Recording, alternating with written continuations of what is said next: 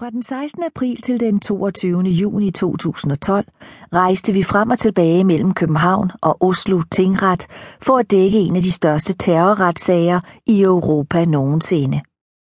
DR valgte som det eneste danske medie at blive i Oslo under hele retssagen mod den terrorsigtede Anders Bering Breivik.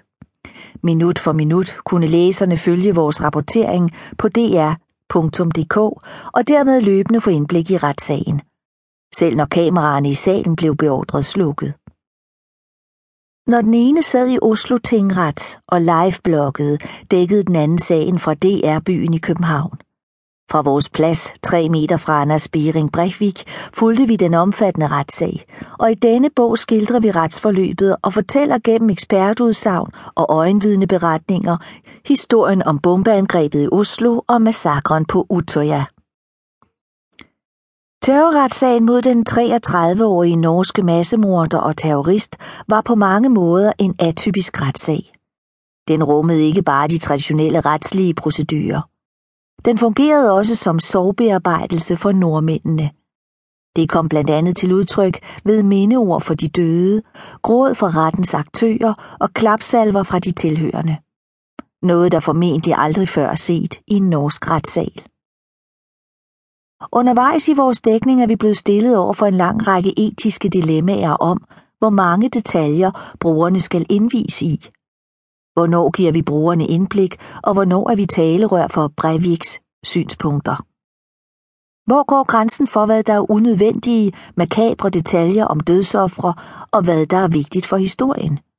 Hvor ligger balancen mellem at præsentere et dækkende billede af, hvad der foregår i retssal 250, og samtidig gøre det uden at krænke de involverede? Denne bog er en personlig beretning fra retssagen. Det er vores egen oplevelse, vi deler med læseren. Dels fordi vi vil diskutere de mange journalistiske valg, vi har måttet træffe uden nogen facitliste at forholde sig til dels fordi det har været en måde, hvorpå vi har kunnet lægge det daglige møde med store og ofte tunge følelser bag os. Og dels fordi vi vil give et indblik i en retssag, der har affødt diskussioner om, hvordan man håndterer terrorisme og højere ekstremisme. Også på dansk jord. For selvom tragedien fandt sted i Norge, bliver vi nødt til at spørge os selv, om den lige så vel kunne have fundet sted i Danmark. I dag er Breivik erklæret strafferetsligt tilregnelig, altså ikke sindssyg. Men spørgsmålet om Breiviks personlighed bliver aldrig besvaret. I denne bog giver vi en samlet beskrivelse af sagens forløb, fuldt op af nogle af de debatter, der undervejs var aktuelle. Derved håber vi, at læseren selv kan drage konklusioner i nogle af de spørgsmål, vi aldrig får et klart svar på. I bogen gør vi løbende brug af blogindlæg fra vores liveblog på dr.dk. Vi har rettet slåfejl, og nogle gange har vi stykket flere indlæg sammen til et.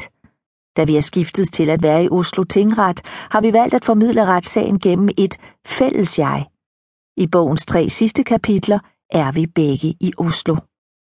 Vi vil gerne takke dem, der i løbet af retssagen på årsdagen den 22. juli 2012 og ved domsafsigelsen har stillet op til interviews, så vi kunne formidle historien om Nordens største terrorretssag. I forbindelse med bogens tilblivelse og dækningen af retssagen vil vi også sende en tak til DR's retskorrespondent Claus Buer, der undervejs i forløbet har været til stor hjælp. Cecilie Kallestrup og Louise Damløv, efteråret 2012.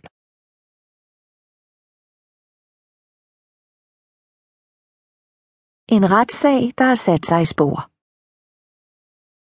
Da jeg sagde ja til at dække retssagen mod Anders Bering Breivik, fik jeg udleveret et 19 sider langt anklageskrift og en masse andre dokumenter, der udpenslede Breiviks forbrydelse ned til mindste detalje. Jeg læste grundigt op på sagen, og jeg forestillede mig, at jeg på den måde kunne forberede mig på, hvad jeg gik ind til. Først da jeg sad i Oslo Tingret, indså jeg, at det ikke var muligt. Jeg kendte sagens omfang, jeg kendte dødsårsager, bombeopskrifter og drabsvåben, men jeg måtte konstatere, at det var umuligt at forberede sig på de groteske vidneforklaringer, jeg igennem de næste ti uger hørte. Tekniske detaljer om drab, gribende øjenvidneberetninger fra alt for unge mennesker, historier fra forældre i bundløs sorg og kommentarer fra den følelseskolde gerningsmand selv. Det var udsagn, som jeg i dag